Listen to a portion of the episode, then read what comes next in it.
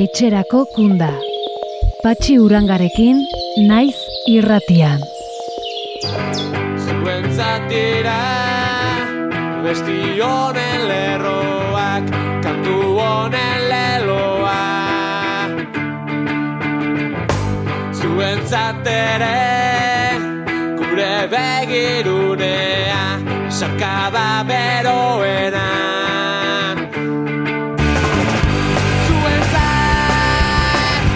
Kaixo denoi eta ongi etorri etxerako kunda saiora.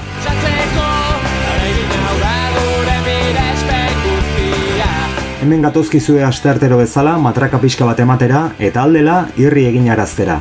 Gaurko saioan liburu berezi bat izango dugu izpide. Jaione Dorai eta Ernesto Prat ieslari hoiek txalaparta argitaletxaren eskutik plazaratu duten bestaldean Euskal Ieslari politikoen bizipenak liburua hain justu.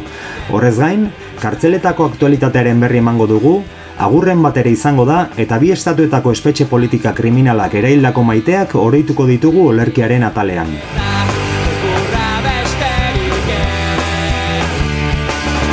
Baina gaurko saio hasi aurretik, lizentzia txiki bat hartu nahi dut nire bizitzako bide laguna zoriontzeko. Gaur bere eguna baita. Aspaldiegiko partez, helen aldiz zoriondu ahal izan dut inongo interbentzio, pultsera telematiko eta bestelako neurri errepresiborik gabe. Era bat aske. Zuretzat, gaurko lehen kantua xua maili eta iruon partez, eta nire maitasun guztia.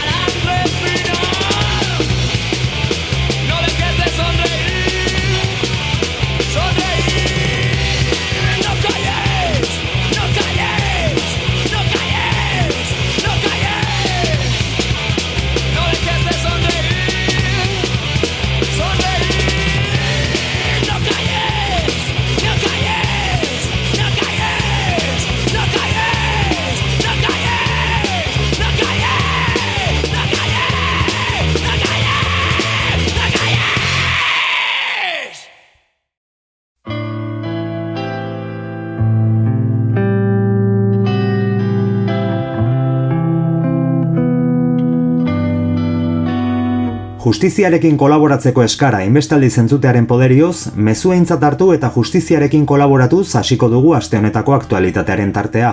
Horrela, Espainiako entzutegi nazionaleko fiskaltzaren esku laga nahi dugu, pasaden asteburuan milaka biktima irandu dituen ongietorri baten lekuko izan garela. Ez hori bakarrik, delituaren eta impunitatearen apologia erakustaldia ere pairatu behar izan genuen. Fiskaltzak ustezko delitu gila identifikatu nahiko balu, geronek erraztuko diogu lana. Juan Carlos de Borbón ieslari politikoaren ongietorrian izan zen, Galiziako Xanxenxon.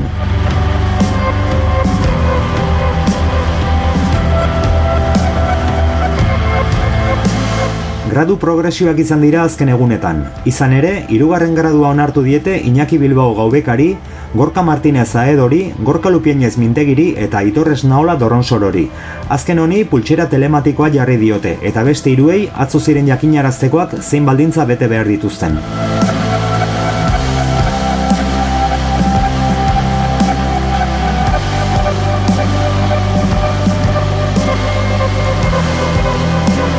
Espainiako uzitegi nazionalak 2008 lauko urtarrilaren bederatzi amar eta maikarako finkatu du Josu Urrutiko etxearen aurkako epaiketa. Mila bederatzi ronda larogeita zazpian, Zaragozako Guardia Zibilaren kuartelaren aurka egindako atentatua leporatzen diote. Eta fiskalak 2000 irureun eta berrogeita malau urteko espetxe zigorra eskatu du ugaoko militantearen zako.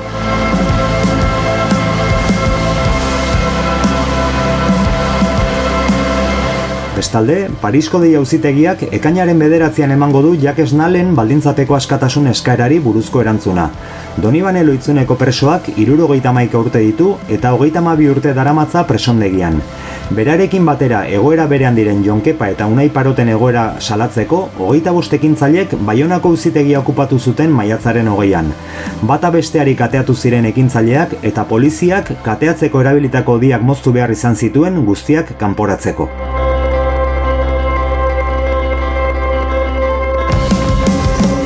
Ipar Euskal Herriko Harrera Elkarteak urteroko askatasun gozez saskien kanpaina abiarazi du. Euskal preso eta erbesteratu hoiak Euskal Herrire itzultzen direnean behar duten sostengu eman alizateko. Aurten Euskal Herri osoko amairu mozkin bildu dituzte, eskatzen den berrogeita mar euroko laguntza eskertzeko. Ekimen honi eta orotariko laguntzei esker, iaz berrogei bat errepresaliatu hoi lagundu zituzten. Ekainaren sei arteko epea dago saskia eskatzeko, eta bi modutara egin daiteke.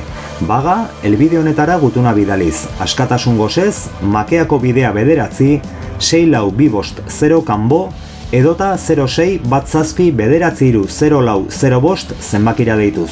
Banaketa, ekainaren hogeita bostean egingo da.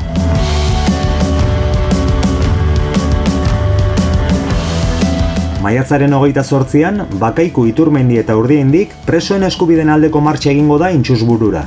Zutabeak bakaiku iturmendi eta urdiengo plazetatik abiatuko dira goizeko bederatzietan. Amaieran, bazkari egingo da urdiengo igerilekuan.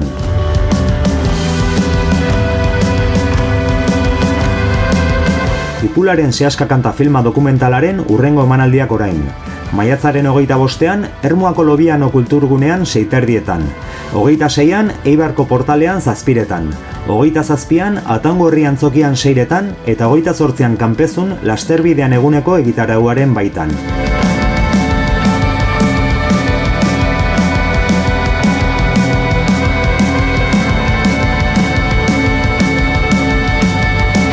Maiatzaren hogeita seian, txori urdinak liburuaren orkezpen egingo da Baionako epaiska elkartean zazpiretan hasita. Bertan parte hartuko dute Zigorrola Berri argiako kazetari eta liburuaren egileak eta Lorentxa Beiri preso politiko hoiak.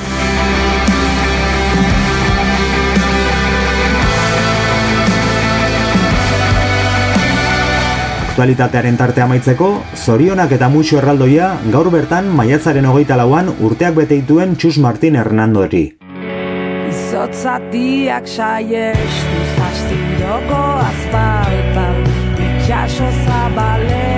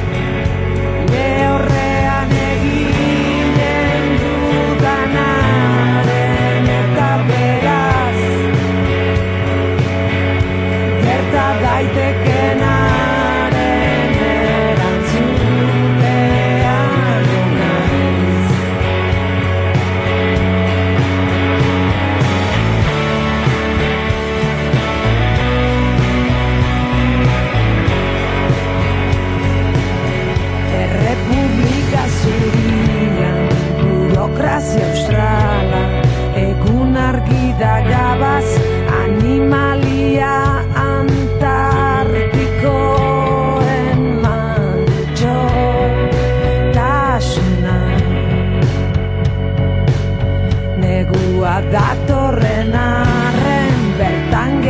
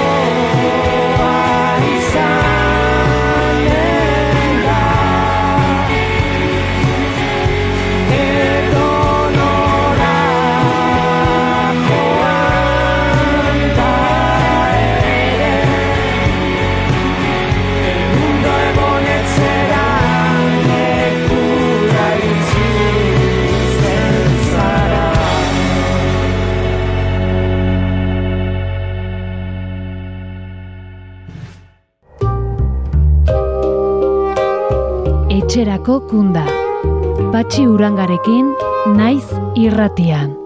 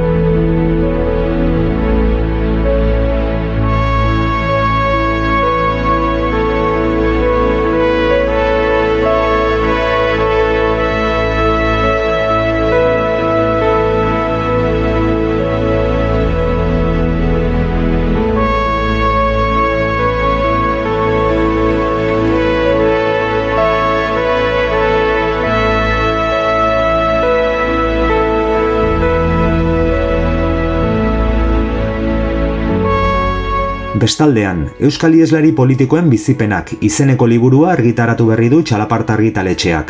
Jaione Dorai eta Ernesto Prat ieslari hoiek osatutako lana. Hogeita mar ieslari eta ieslari hoi elkarrezketatu dituzte, eta haien bizipenak ekarri dituzte liburura.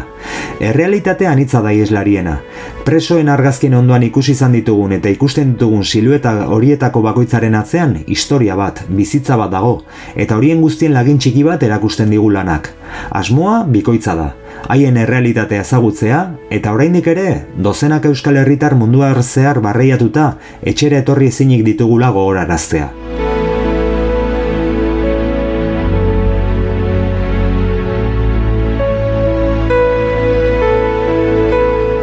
Pratek azaldu digu zein den izenburuaren esanahia eta itzalen beste aldeko errealitateak erakutsi nahi izan dituztela.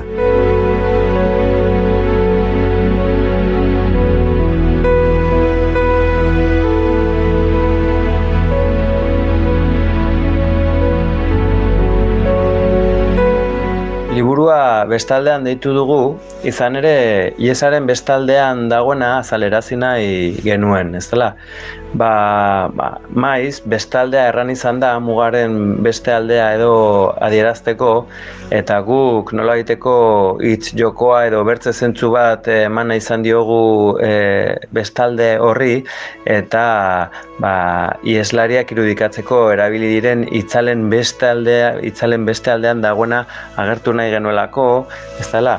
Eta itzal izan diren hoien bizipenak agertu nahi ditugulako eta iesean gertatu direnak agertu agertu ditugulako liburuan eta eta hola ez beste zentsu bat emanez e, nolabait.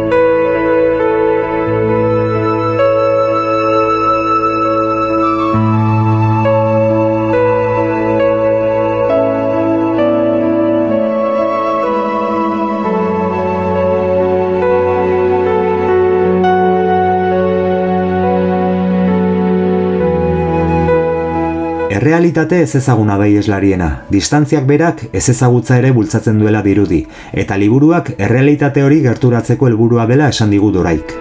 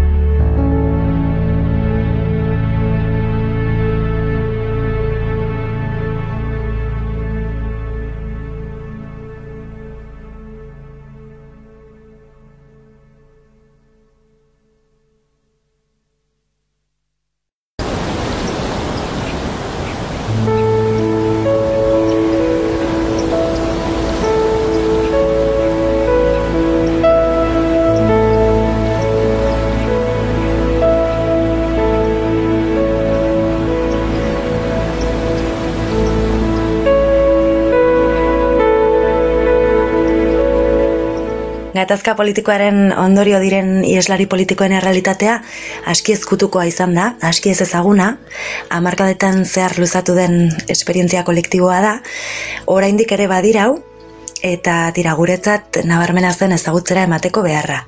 Zentzu honetan egindako ekarpena da liburua, eta tira ba, liburuak, bueno, izenburuak dioen bezala, bestaldean Euskal Iosali politikoen bizipenak e, jasotzen ditugu liburuan. Egia esan ez da erresa izan e, liburu batera ekartzea horren gai zabala, anitza eta, eta komplexua, em, sujetua ieslariak dira, haiei eman diegu ahotsa, bueno, azkenean hori nor kontatuko digu beki beraiek baino zer suposatzen duen ies egiteak edo bueno, edo zer izan zen gerra zikina, zer den hogeita masai urtez deportatuta bizitzea edo nolakoa den sorte herrira itzultzea bera ere ezta. Bueno, haiek dira gertatutakoaren lekuko zuzenak eta bueno, naiz eta noski eh, ondorioak senideek eta hurbilekoek ere lehen eskutik bizi dituzten, bizi izan dituzten eta bizi dituzten oraindik. Haiek ere lekua dute liburuan, baina bueno, liburua dago idatzita ieslari izandakoen e, ikuspegitik, eh, beraia hotsak jaso ditugu. Orduan nardatz hartu dugu Euskal Herriak bizitu duen azken erbeste aldia, irurogeita, irurogei garren amarkadatik ona, eta, bueno, e, gaiaren aniztasuna islatuko zuten ahotsak jaso ditugu. Ies mota desberdinak, garai desberdinak, belaunaldi desberdinak eta egoera desberdinak. Eta hori guztia, bueno, bizipenak erdigunean jarriz. Ulertzen dugulako iesa ezin dela azaldu bizipenak agertu gabe. Beraz hori izan da lanaren helburua, e, ibilbide kolektibo baten kontaketa egitea protagonisten bizipenetatik abiatuz.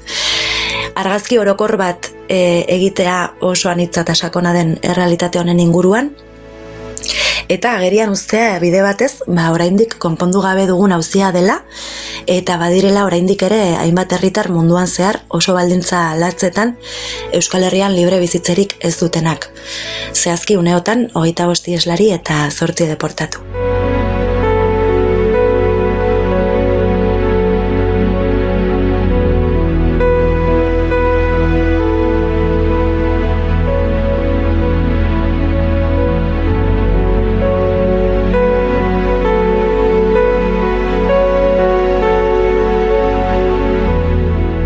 Liburua bien artean osatzeak izan ditu bere zeltasunak, jakina. Prozesuaren faserik luzena elkarrizketek bete zuten, eta gero dokumentazio eta transkripzio lanak etorri ziren, askotariko bizipenekin puzle osatzen joan zirela dio pratek.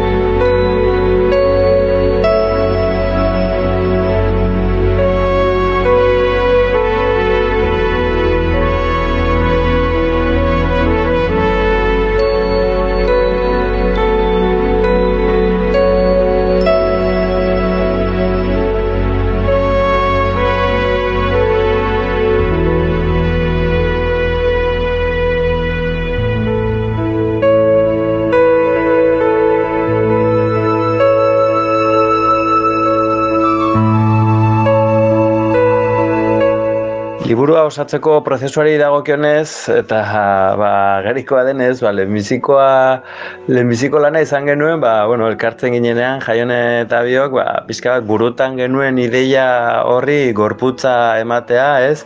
Ja, batzutan nahiko zaila izaten da, bakoitzak bere buruan duena gauzatzea, pues, kasu honetan bi buru eta bi idei izan zitezkeen, eta, bueno, pixka bat hor elkartzen ginen e, solasteko, eta, bueno, pixka bat ideiari forma emateko, ez?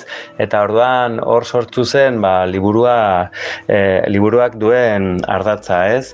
Eta gero, ba, hoxe, ba, hasi ginen, e, perfil ezberdinetako ieslari eta ieslari hoiak e, kontaktatzen, eta, e, bueno, baiezko, ezezko batzuk jaso genituen, eta baiezkoak e, ere bai, biztan denez, eta, bueno, ba, orduan hasi ginen haiekin hitzorduak egiten, elkarrizketak egiten, hor nola daiteko oreka bilatzen genuen elkarrizketetan, batetik norberaren historia, baino bertzetik ba, liburuaren ardatza eta liburuan e, liburua gidatuko zuten gaien inguruko galderak eta bar egiten genizkien, eta hola ba, joan ginen elkarrizketak egiten eta pilatzen, eta berbada hori izan zen, bueno, e, prozesurik hola faserik luzena, ez, jendearekin elkartzekoa eta itzorduak egitekoak, eta gero ba etorri zen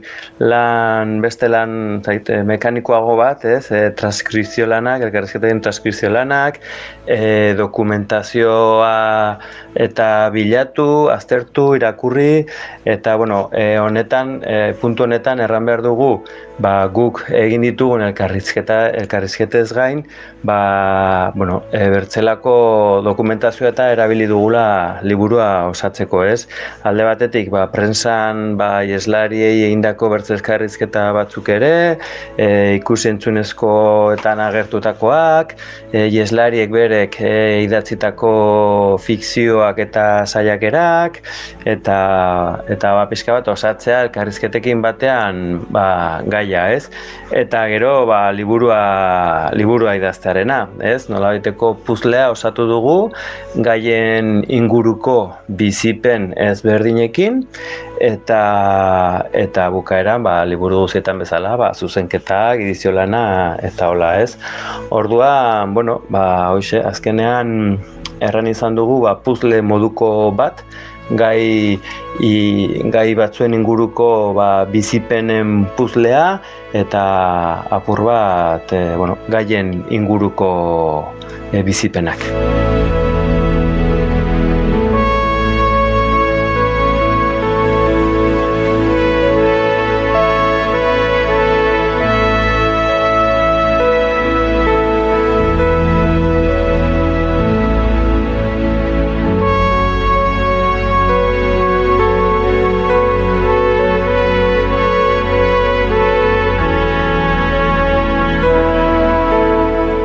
Ieslarien gaiak baditu bere konplexutasunak eta norbere burua biluztea ez da erraza izaten.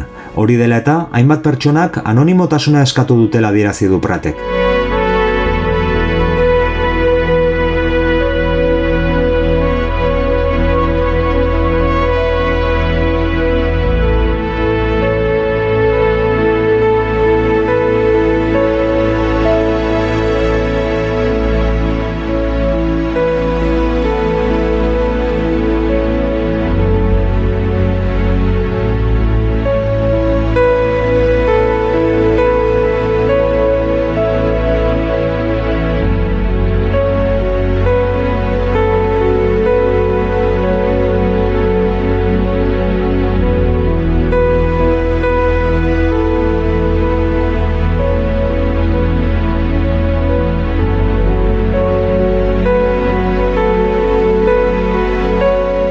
Ieslarien gaia ez da gai erran dezagun simplea edo erraza, ez? Eta, bueno, ba, gaiak baditu, baditu bere komplexutasunak, ez dela. Eta, bueno, bertzaletik ere, ba, bi lagunen artean egin dugu, eta, bueno, prozesu hori ere e, prozesu polita eta interesgarria izan da. Eta, bueno, ba, elkarrizketei dagokionez eta, pues, erra da ipatzea, ba ez dela erreza, ez? Norberaren historia kontatzea, are gutxiago baldin badakizu liburu batean argitaratuko dela, ez? E, represialeatu batentzat ez da erraza izaten batzutan bizitakoa kontatzea, ez? Eta, bueno, hor e, aipatu behar da, ba, liburuan agertzen diren batzuk bere izenekin agertzen direla eta bertze batzuek aldiz eskatu, eskatu zigutela anonimotasuna mantentzea eta hoiek ez izen batekin agertzen dira.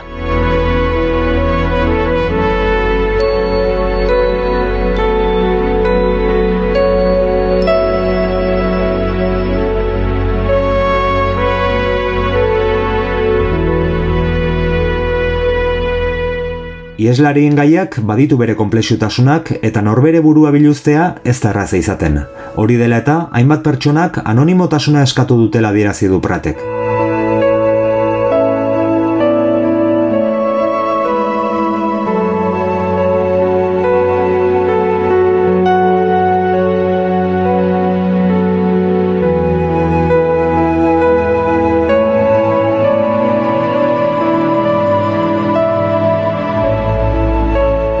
Bueno, liburuaren ardatza ez da lineala, ez da kronologikoa. Em, bueno, ieslarien kasuan denek egin dute ies, noizbait, baina bakoitzak bere ibilbide propioa izan du, e, bueno, bere bizipenak, bere egoera zehatzak, bere pertzepzioak, eta anistasun horretatik lagin bat e, hartu dugu. Beraz, denek aman komunean izandako bide gurutzeak, e, hoiek dira liburuaren ardatza. Erran bezala hori ez da kronologikoa eta tira ba. Bueno, komunean dituzten gai hoietan arilkatu ditugu euren ahotsak. Orduan, bueno, pues sorterritik ies egiteko beharra sortzen den momentutik erabaki hartu eta bueno, muga eta ate berriak e, zeharkatzera, e, prozesu horretan ba bidelagunak atzean utzi eta bidelagun berriekin topo egitea. E, beste gai bat ere bada bizibideena, e, herrimina, irudimena, bueno, e, eta beste gai bat ere e, etengabeko jazarpen mota eta neurri represiboen mehatxuaren pean biztzea zer den, hori ere kontatzen dute. Eta, bueno, elkartasunak ere badu eratala, eta azkenak e, izena du sorterrirantz. Eta, bueno, zorionez, azken urteotan ieslari ugari itzuli dira sorterrira, e, haietako batzuk kontatzen dute nola bizi izan duten hori, eta, bueno, falta direnak, e, libre izateko falta diren hoiek ere, e, aipatzen dira, eta zentzu horretan, bueno, ba, gaur egun, e, badiren oztopoak edo, bueno, hoiek ere aipatzen dira. Eta tira, bueno, egia esan, ieslari bakoitzak baluke hori bere liburu propioa idazteko adina kontu eta adina bizipen, badaude amaika historio oraindik ere jasotzeko. Em, bueno, eta norbere bizipenetatik, ba, esperientzia kolektiboa elikatzeko bidean, e, liburu honek ekarpen xumea egin nahi du, eta, eta tira, ba, bueno, dena den hori, gauza asko daude kontatzeko, osatzeko, partekatzeko, eta, bueno, bide horretan aurrera egitea denon esku dago.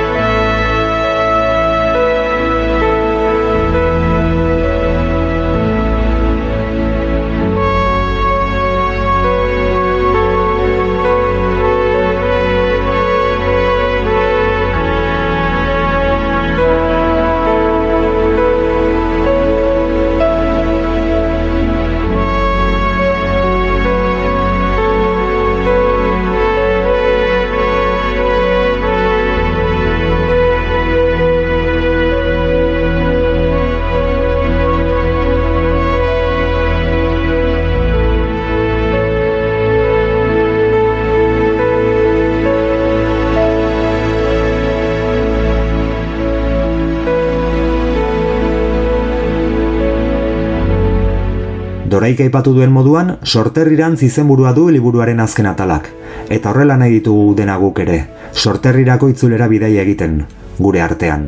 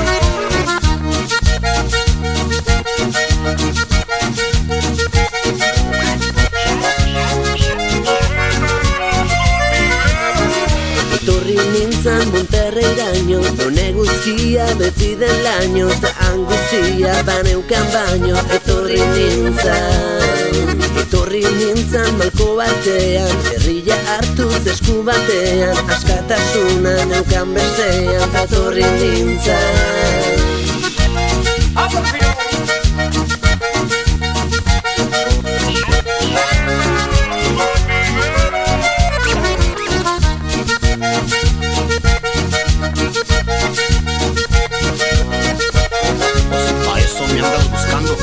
Vamos entrando. Naiz bizi naizen gaur deserrian Esan dezaket nire neurrian Bizi naizela Euskal Herrian Euskal Herrian Kosta zaharrak gutun bat dauka Eutsi goiari aupa eta aupa Sentitu gure bihotzen taupa Lortuko jauta Aske egiten nauen bidean Aurrera noa, aurrera goaz Eta elmuga gertu dago. Wow, aske egiten nauen bidean Aurrera noa, aurrera goaz Eta elmuga gertu dago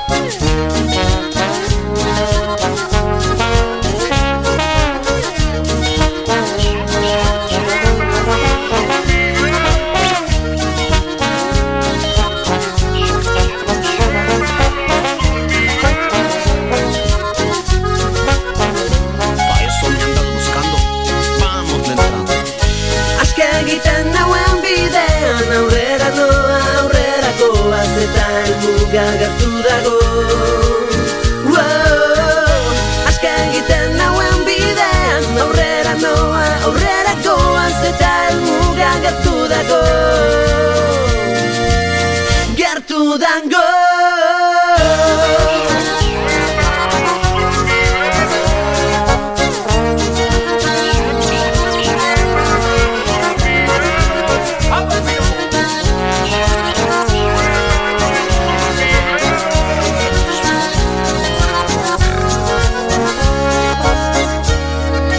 la, la, adopté la música mexicana y empezó a gustar, a gustar, a gustar y así ya inicié, estoy fascinado.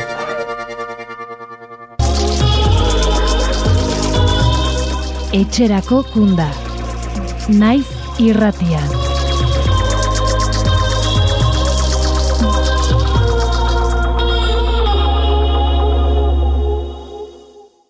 Mezuen tartea orain, gogorarazi nahi dugu etxerako kunde erresaioak aukera ematen dizuela presoei zorion eta gur mezuak audian bidaltzeko.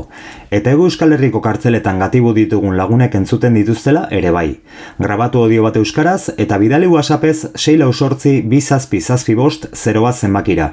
Zehaztuz, nork bidalia eta norentzat den. Guk maitasun guztiarekin jarriko ditugu, ziur baikaude pozik entzungo dituztela.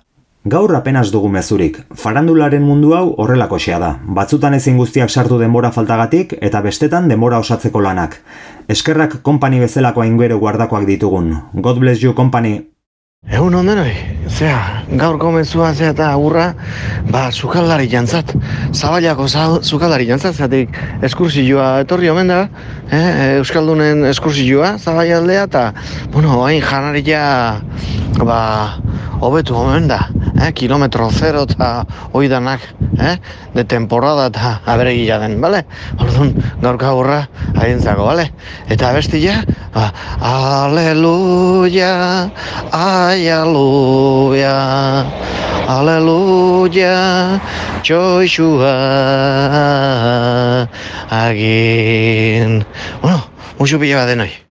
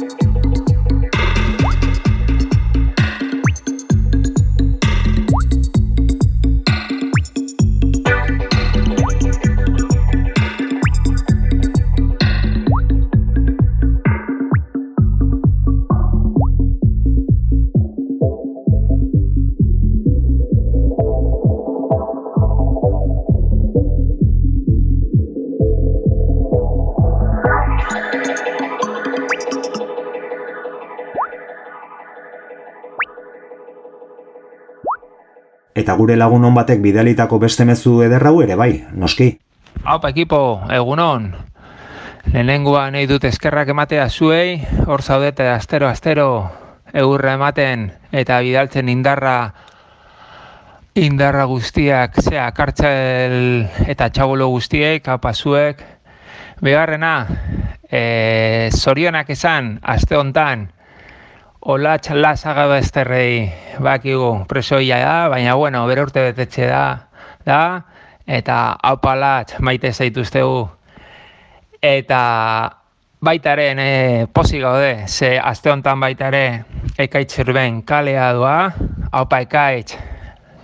Itxoiten gaude hor posi-posik, eta baitare indarrasko, kide guztiai, eta nahi dut e, abesti bat eskatu, nahi dut etxaiaren abestia, sorgin abestia, emaku, emakumeen guztiaik hor zaudete, tope-tope, dan ematen, haupasuek musu potolo bat.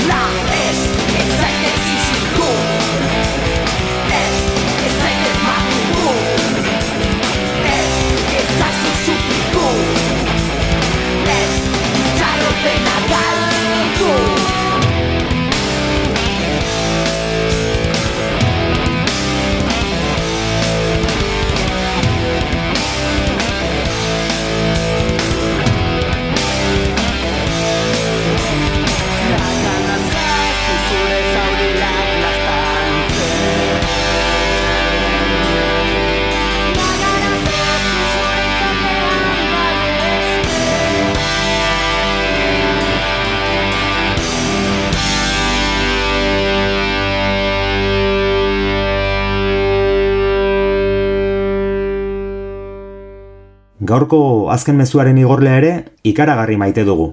Delinkuente xamarra izan da beti, e, muti loker xamarra, baina bihotzonekoa ezagutzen ditudan gehienak bezala. Gabon, entzule, eta bereziki besarkada estu bat espetxean eta atzerrian entzuten zaudeten guztientzat. Eta nola ez, motxiladun umeentzat, marruizko musu potoloak. Eta bukatzeko beste behin, mirentxin urte luzetan aurrera eraman zenuten gidari guztiei. Eskerrik asko bihotzez, benetan. Haupa Gregorio, Eba, Jurgi, Iratxe, Ekaitz, Manez eta beste guztiak, biba zuek. Eta eskarrik asko saio hau egiten duzuen partaide guztiak, eskarrik asko patxi, eutzi goiai.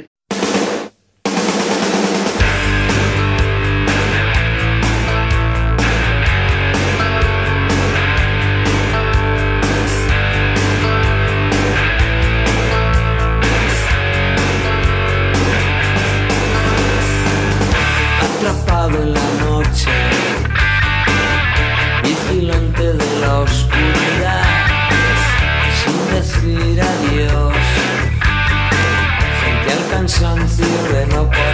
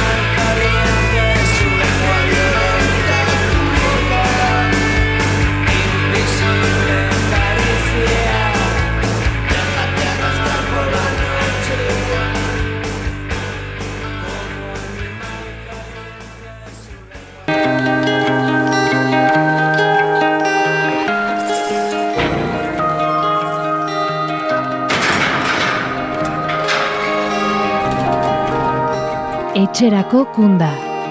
Naiz irratian.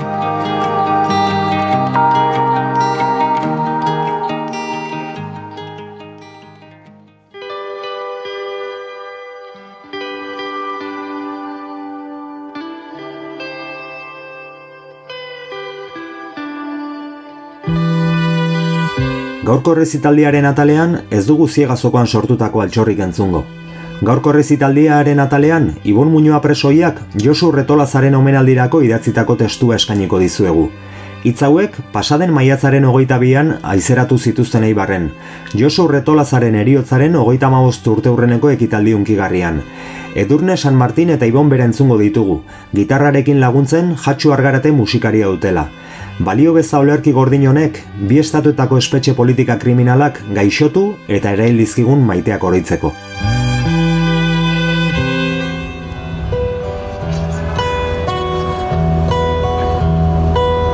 Gurekin bizi den Josu Retolaza Loidiri. Herrera de la Mancha espetxe makurra. Alemaniak asmatutako zigorra. Josu bertan izorratuko zen, zeindagileak etika barik hartatuta. Bizkarrean zuen kartzinomari garatxo deituta, mestastazia larruan zabaldu zitzaion. Kirrulikidea ziegan zendu zen, ez ziotelako diagnostikatu birikeria. Pirulekin ezin osatuta eritasun gaitza, birikak erabat txikitu zitzaizkion. Medizaina bengantza bihurtuta, Euskal Ezpeek gorriak dakuskite. Kide gehienak herreran elkartu zituzten. Juan zen mendearen larogei garren amarkada. Giza eskubideak kemenez eskatu zituztelako. Enrique Mujikak sakabanak eta abian jarri zuen. Barruetan Euskaldunak fizikoki ahultzeko. Esparruetan psikikoki zuntzitzeko. Josu, poliziak etxean atxilotuta, egun horretan etzinen alfara joan. Komisaldegian izua jasanda, espetxeak zerua zirudien. Madriletik herrerara eramandakoan, minbizia korputza erasaten hasi zitzaizun. Gaixotasuna dela medio, Eibarrera liber itzulita, zuretzat oro, harreran zamurtasuna. Kantauri itxasoaren kresala arnastuta, deban azken atxa eman zenuen. Jada hogeita maboz urte, agurtu zintugula. Untzagan etxekoei maitasuna instatuta. Josu, elgetan, lepo eta arbasoekin atxeden hartuta, intxortak xaloki babesten zaituzte. Aitxak legez, oroitzan dir-dir dirauzulako, irri ederra gure ametxetan loratzen da. Zure desioak ernatzen hasiko dira, aurrezkoen eta bezarkaden aroan.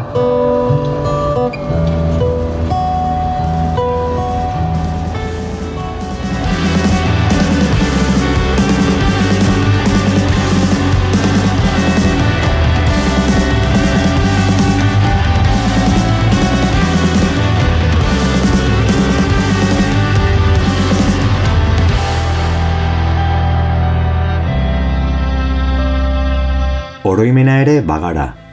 Eta ez gaude azteko. Ez bidean galdu ditugunak, ez da erantzuleak ere. Bobby Sansek zioen, beraien mendeko izango dela, Irlanda reurren algara hotxa, Irlanda aske batean. Hala izan dadila, Irlandan bezala, Euskal Herrian eta gainerako herri zapalduetan ere. Entzule, plazera izan da. Datorren astean okerrik ezean hemen izango gaituzue, etxerako kundan. Beti, azken kunda izango den itxaropenaz, etxera ekarriko dituen kundan. Bitartean, ondo izan, eutxikastari eta aurrera beti. Aio!